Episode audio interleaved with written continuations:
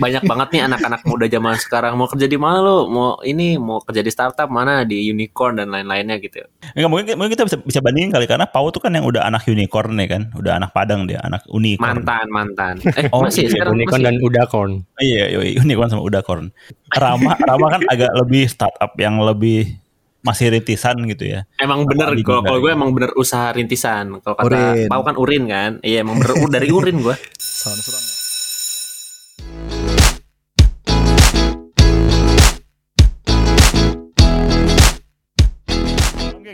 Assalamualaikum. Waalaikumsalam. malam, warahmatullahi wabarakatuh. Tahu nih rekaman malam-malam ya, kagak istirahat ya malam. Iya nggak apa-apa lah sekali-sekali. Ini kita memang malam ya. Kan makanya malam, Iya. malam juga obrolan kala rehat kan. Ketika mau rehat kita ngobrol. Oh iya karena kita rehat. Berarti kan itu pertanda bahwa kita sebenarnya kerja. Jadi kita rehatnya pas malam Oh. gitu kan. Oh iya. Kalau anak startup gitu ya, rehatnya cuma malam doang gitu ya. Men- Menunjukkan budaya startup. Waduh gimana tuh?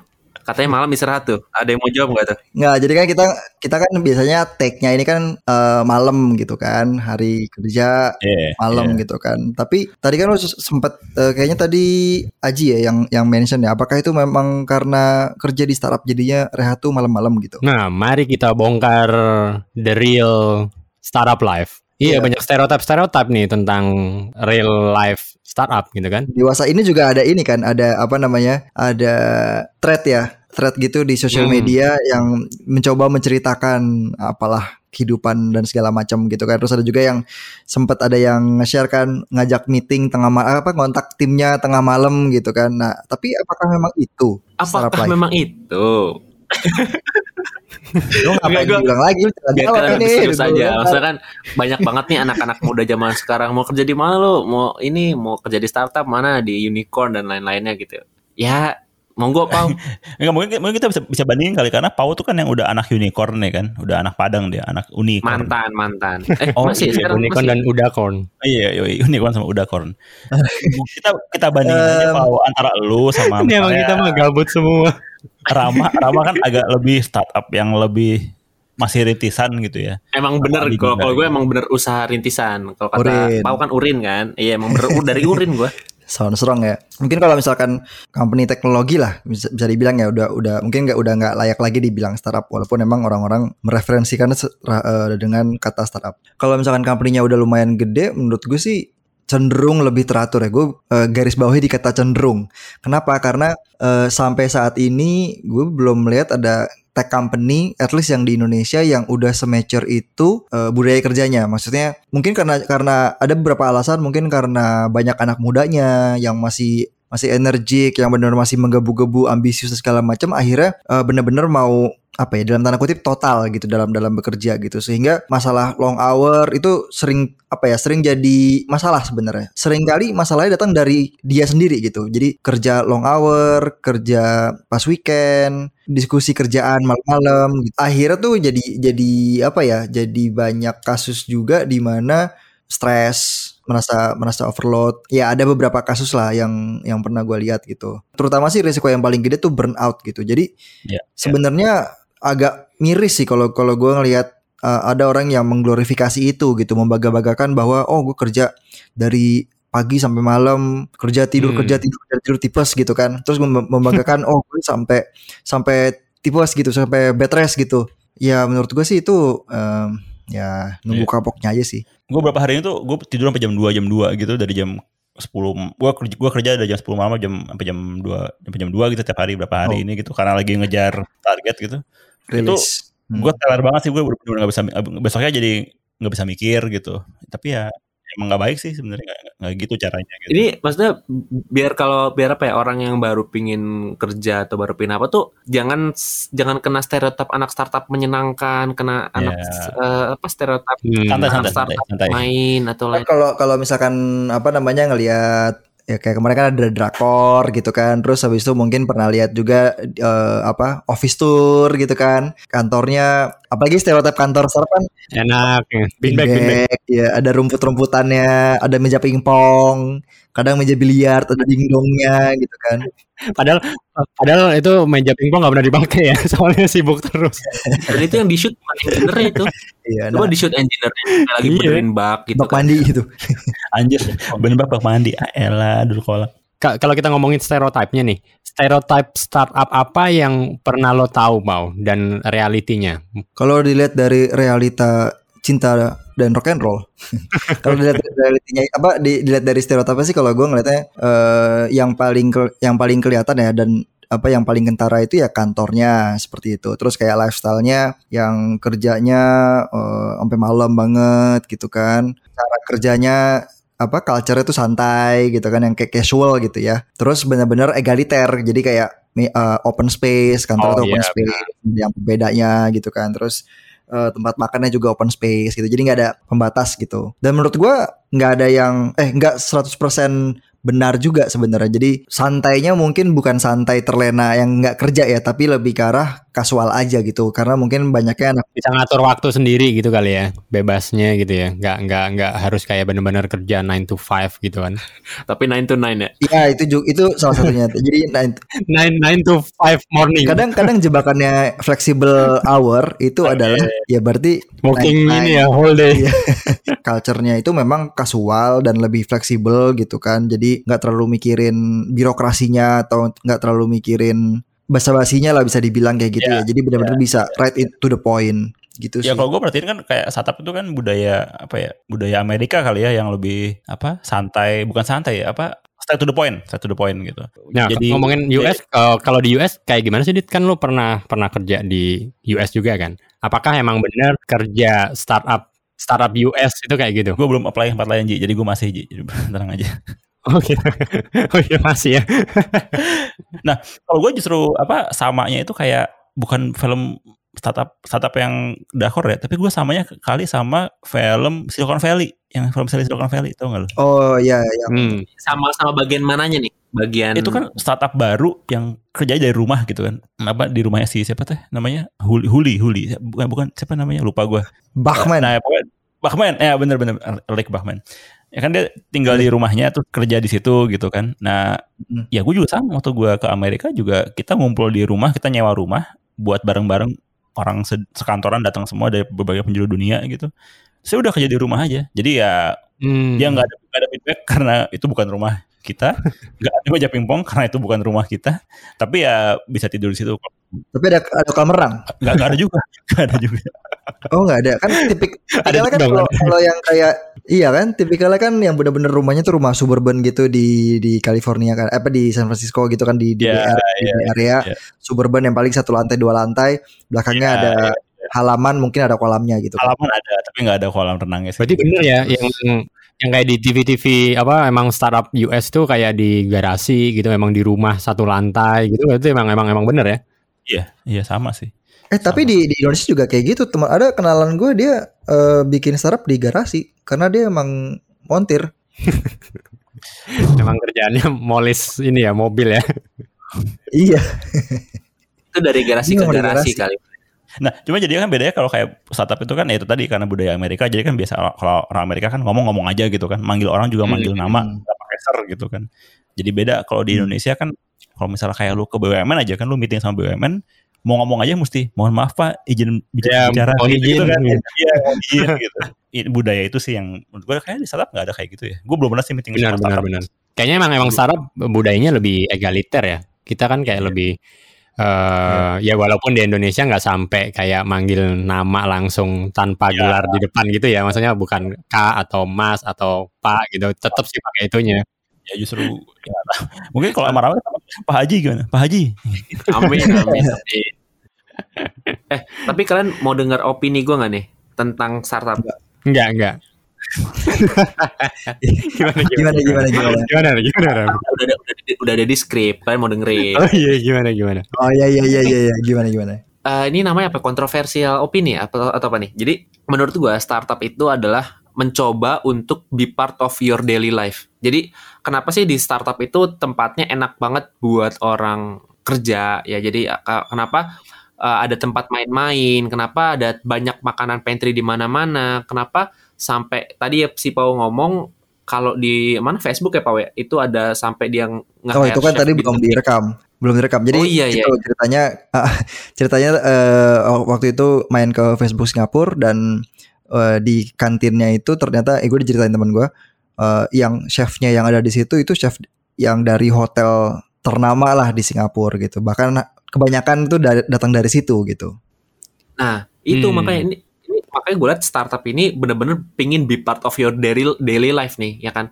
Tapi kenapa uh, startup ini ngambil stake forward? Maksudnya uh, sebuah company ini mengeluangkan ya, meluangkan uh, budgetnya untuk membuat orang itu seperti kayak gitu gitu ya, nyaman, ya kan? Opini gue nih, opini gue tuh ketika lu menjadikan sebuah pekerjaan ini adalah hidup lu, ya kan? Lu nggak akan kerasa kalau overwork, lu nggak akan kerasa uh, kalau lu itu sedang diperbudakkan gitu loh karena lo menganggap ini adalah daily life lo. Jadi gue ngeliat nih startup nih sebenarnya kenapa sih lingkungan startup ini seakan-akan menyenangkan? Karena menyenangkan adalah part of your life gitu kan. Dan lagi ditambah diiming-imingin bahwa startup dengan gaji gede dengan apa dengan apa. Ketika kita take uh, misalkan annual salary itu bisa jadi uh, startup tidak sebesar di tempat lain gitu kan. Ada tunjangan dan dan lain-lain. Kalau gua ngomong ya semua yang tentang startup menyenangkan startup ini sebenarnya untuk mem- memperbudakan kita. Hmm, memperbudakkan kita. Mempermudahkan kita. Iya, Lo awal ngomong positif, akhir-akhir negatif anjir. Mempermudahkan kita. Enggak, coba, Ya, tapi- coba, coba pikir. Nggak, tapi tapi tapi gua gua gua agak nggak setuju tentang itu sih. Kalau menurut gua kenapa kok kita so- dinyamankan gitu ya dalam budaya startup? Menurut gua karena eh, soul-nya atau jiwa utamanya startup itu adalah inovasi. Dan ketika lo itu nyaman, inovasi itu keluar gitu. Ketika lo itu stres gitu ya, jadi eh, lo itu akan eh, masuk terlalu dalam kepada kegiatan operasional. Jadi akhirnya inovasi-inovasi, ide-ide baru yang fresh itu nggak akan keluar gitu. Nah makanya kenapa dibuat nyaman. Menurut gua sih itu sih. Kalau gua sud- kalau gua sudut Hmm. pandang negatif nih, tapi bisa aja kan nah, coba eh Nah, apa ya? nggak, berarti dengan berarti dengan dengan lu hampir setahun ini WFH, berarti sekarang lu tidak merasa diperbudakan. Oh, saya merasa, tapi saya senang. jadi jadi bagusnya startup itu ya. Kita diperbudakan tapi kita nggak tahu. itu dia, itu dia. Walaupun tahu masih senang kan, karena kan udah jadi part of my daily life gitu kan. Ketika gua kehilangan, anjir kok gua nggak kerja itu malah gua jadi beban pikiran kan. Anjir gua gua kok nggak kerja gitu. Sama kayak kita lupa makan, anjir kok gua belum makan ya, gitu loh. Tapi kalau misalkan yang tadi Aji bilang, gue sih setuju. eh, di mana sebenarnya eh, apa lingkungan kantornya dibikin seperti itu, segala macam perks dan fasilitasnya dibikin senyaman mungkin. Salah satunya adalah karena lotnya, lot kerjaannya, lot ini bukan berarti kuantitas ya, tapi kualitas kerjaannya dalam artian challenge-nya. Terus habis itu eh, mungkin juga stress lotnya juga lumayan tinggi karena kan namanya di startup itu kan tadi balik lagi masalah inovasi satu itu. Yang kedua, perusahaan-perusahaan teknologi ini kan persaingannya cukup ketat gitu dan growth-nya itu cukup Growth, tinggi ya. gitu, growth kan. Iya, dengan adanya growth di situ pasti ada load kerjaan yang mungkin lebih tinggi dibanding tempat lain gitu. Jadi ada yang bilang eh, atau ada suatu anggapan yang mengatakan bahwa kalau lu kerja di tech company selama setahun itu tuh sama dengan lu kerja di mana tempat lain selama tiga tahun atau lima tahun untuk kayak dapetin pengalamannya tantangan dan segala macam itu tuh ekuivalen gitu bisa dibilang. Dan menurut gua nggak salah juga karena apa ya yang gua alami misalkan udah setahun atau dua tahun kerja di satu company eh, teknologi itu kayak gue berasa dapet banget gitu berasa belajar banyak gitu. Yang gue rasa kalau misalkan di perusahaan konvensional atau perusahaan yang eh, bukan apa ya pusatnya teknologi mungkin itu akan butuh waktu lebih lama lagi gitu. Makanya eh, kalau kita ngelihat progres karirnya seorang yang ting apa yang kerja di startup pun juga bisa dibilang lumayan cepat dibanding yang lain karena memang ya mungkin dia dikasih challenge yang lumayan tinggi dan ternyata dia bisa thriving gitu kan bisa sukses ya udah berarti kan dia bisa diganjar apa promosi dan segala macam gitu kan Ya, ya. Gua gua sepakat banget sama growth itu sih. Itu kayaknya yang membedakan. Eh, mungkin ini kita bahas definisi dikit gitu ya. Kalau startup itu kan menurut guru startup Steve Blank gitu. Ini ini ini gua lagi baca nih. Jadi startup itu kan temporary ya. Designed to search for repeatable eh, and scalable business model kan. Jadi kan ada scalable-nya itu itu udah itu eh, jantung startup itu growth itu tadi gitu. Kita kan kayak memang di startup itu di di push banget supaya kita bisa grow secepat mungkin kan. Nah itu yang membuat tadi Paul bilang tensinya jadi tinggi kan. Kita di di di startup ini tensinya tinggi, bebannya besar, makanya uh, kita harus dibikin senyaman mungkin gitu. Oh jadi itu yang menjadiin alasan bos-bos kalau misalkan mau ngapus kita kan karena kita startup gitu ya. Itu yang dijadiin Tapi alasan emang itu gitu ya. the fact sih. Karena kalau lo di perusahaan yang udah apa stabil gitu ya, tujuan lo kan sebenarnya cuma gimana caranya bisnisnya bisa secara stabil jalan terus gitu kan. Kadang-kadang ada inovasi, kadang nggak juga nggak kenapa-napa gitu. Nah kalau startup kan bahkan bisnis utamanya aja belum tentu bener gitu. Jadi yang mesti sering apa sering Iya. dimodif gitu. belum belum bisnis bisnisnya pun kebanyakan belum semature itu di mana kita bisa le- dalam tanda kutip ya bisa berleha-leha santai untuk memaintain.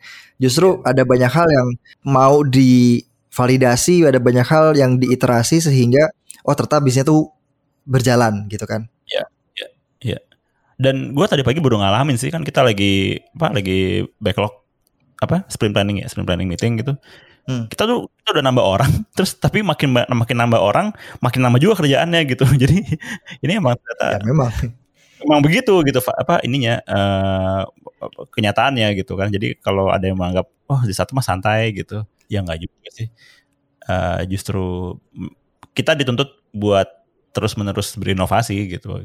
It- it- itu yang yang yang eh, mungkin perbedaan mencolok antara startup dan non startup ya. Eh, kalau eh, startup itu tadi kan di di scalable-nya, sedangkan kalau yang non startup walaupun itu dia eh, big company atau small company gitu kan banyak yang bilang oh itu eh, warteg juga startup kan rintisan. Nah, tapi kan balik lagi kuncinya di scalable-nya kan. Apakah dia punya target growth misalnya 10 kali lipat dalam setahun gitu. Nah, itu yang membedakan gitu. Nah, kalau yang di bisnis yang mungkin non non startup gitu ya mereka kan lebih eh, stabil aja gitu jadi eh, beban kerja dan nggak ada keharusan buat growth tadi makanya akhirnya stylenya agak agak beda gitu Eh Ji, tapi menurut gua ya be- bener sih growth itu salah satu salah satu startup banget gitu ya.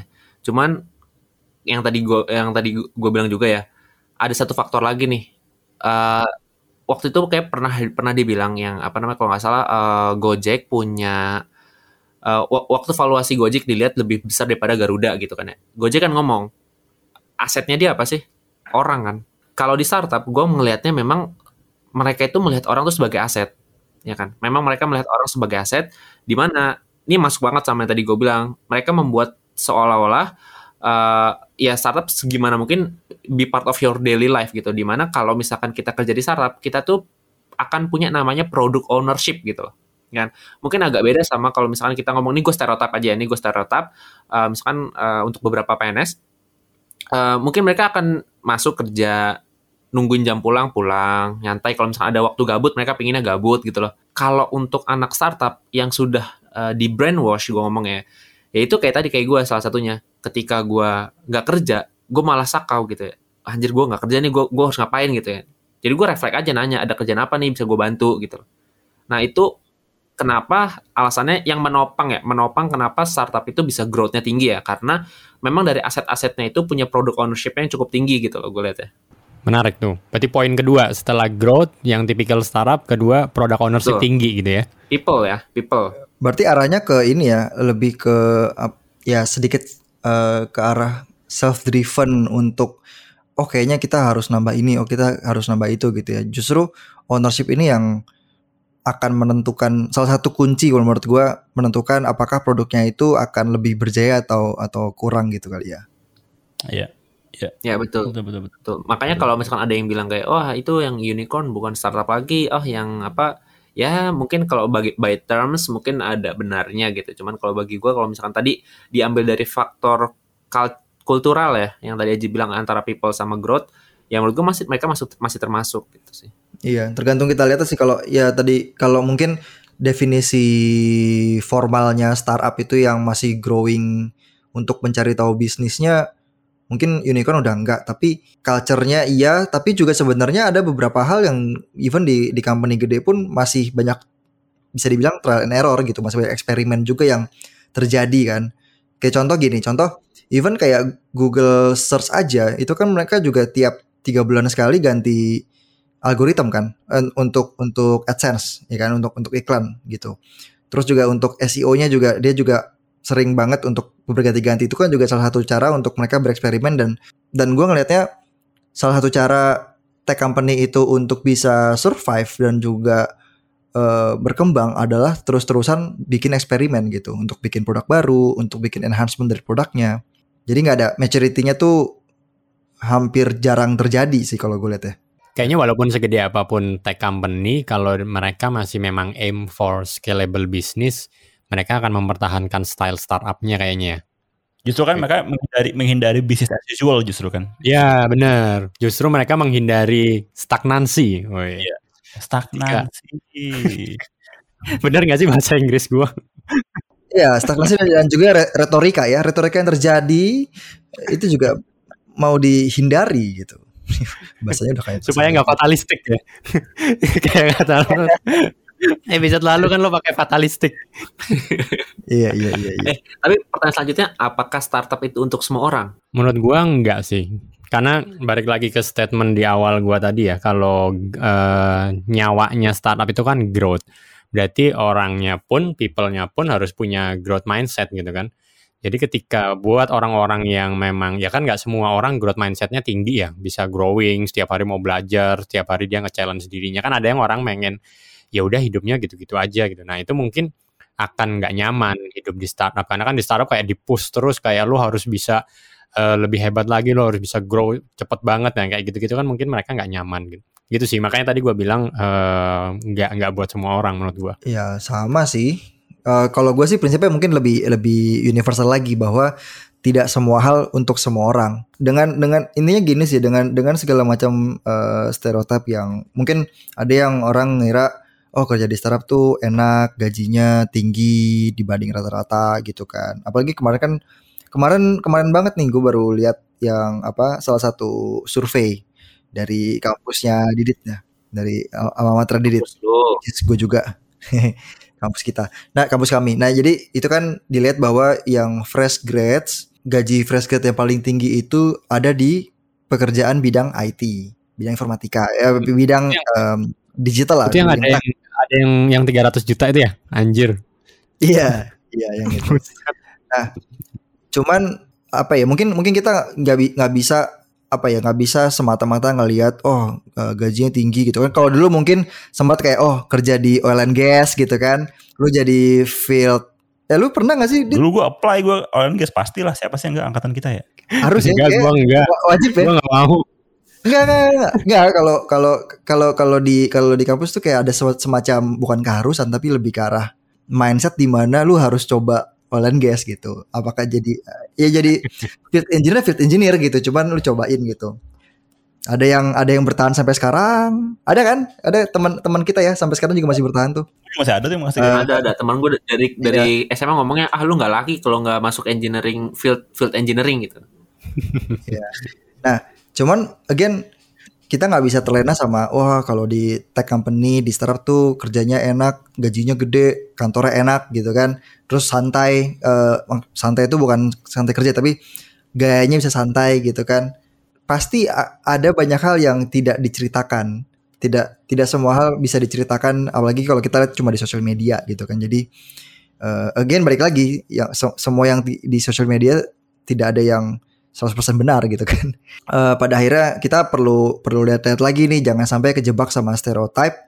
Uh, kalau dibilang standar ke, apa ya standar kehidupannya mungkin bisa dibilang lebih tinggi dibanding yang lain bisa ya bisa enggak tergantung kita kerjanya di company yang kayak gimana kalau company-nya growth-nya bagus gitu kan bisnisnya bagus nggak harus jadi startup pun juga pasti kita dapat benefitnya juga oke okay, gitu kan intinya itu kali ya diskusi kita yang ngalur ngidul iya, itu ya, adalah ya, ya jangan sampai kejebak sama stereotip gitu. Untuk apa pun mungkin gak harus kerja di startup tapi bisa jadi kerja di apa ya uh, di, di bidang mana pun gitu.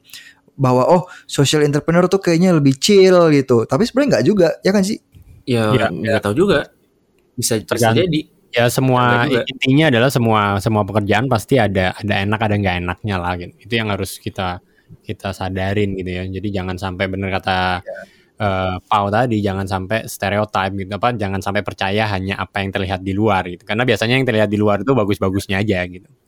Hmm, tapi menurut gue yeah. sebenarnya sebenarnya agak nggak masalah sih menurut gue ya. Uh, yang penting ya, yang penting lu kemakan stereotip pun itu nggak masalah selama lu tuh tau, lu tuh konsen. Konsen itu maksudnya lu tahu Sadar. lu tuh orangnya kayak gimana ya kan standpoint lu Hmm. tuh di mana kayak misalkan kayak tadi aja oh gue orangnya pinginnya growth growth banget nih ya udah then let's coba startup gitu. Cuman kalau misalkan uh, lu emang punya kayak aduh gue udah banyak uh, pikiran gue kayak mau mau yang seenggaknya gue cukup gitu loh. Dan dan itu nggak salah dan itu nggak salah. Karena kan emang setiap orang uh, punya jalannya masing-masing kan. Jadi itu nggak salah. Jadi bukan berarti kalau misalkan lu nggak punya growth mindset uh, lu jelek gitu loh. Enggak lu emang lu Ya, nggak cocok ya. aja di startup. Cuman mungkin di Benar. tempat lain yang lebih eh, memang Sepakat. lebih itu ya ya it's fine gitu. Yang penting lu ngelakuin pilih pilihlah semua yang lu mau tuh berdasarkan konsen lu sih. Dan ya kalau kalau mau gaji gede ya jadi ini employee startup, jangan jadi co-founder atau founder startup. Itu oh ya itu itu itu. Kalau mau gaji gede, balik lagi ya. Kalau mau gaji gede bukan mau duit banyak.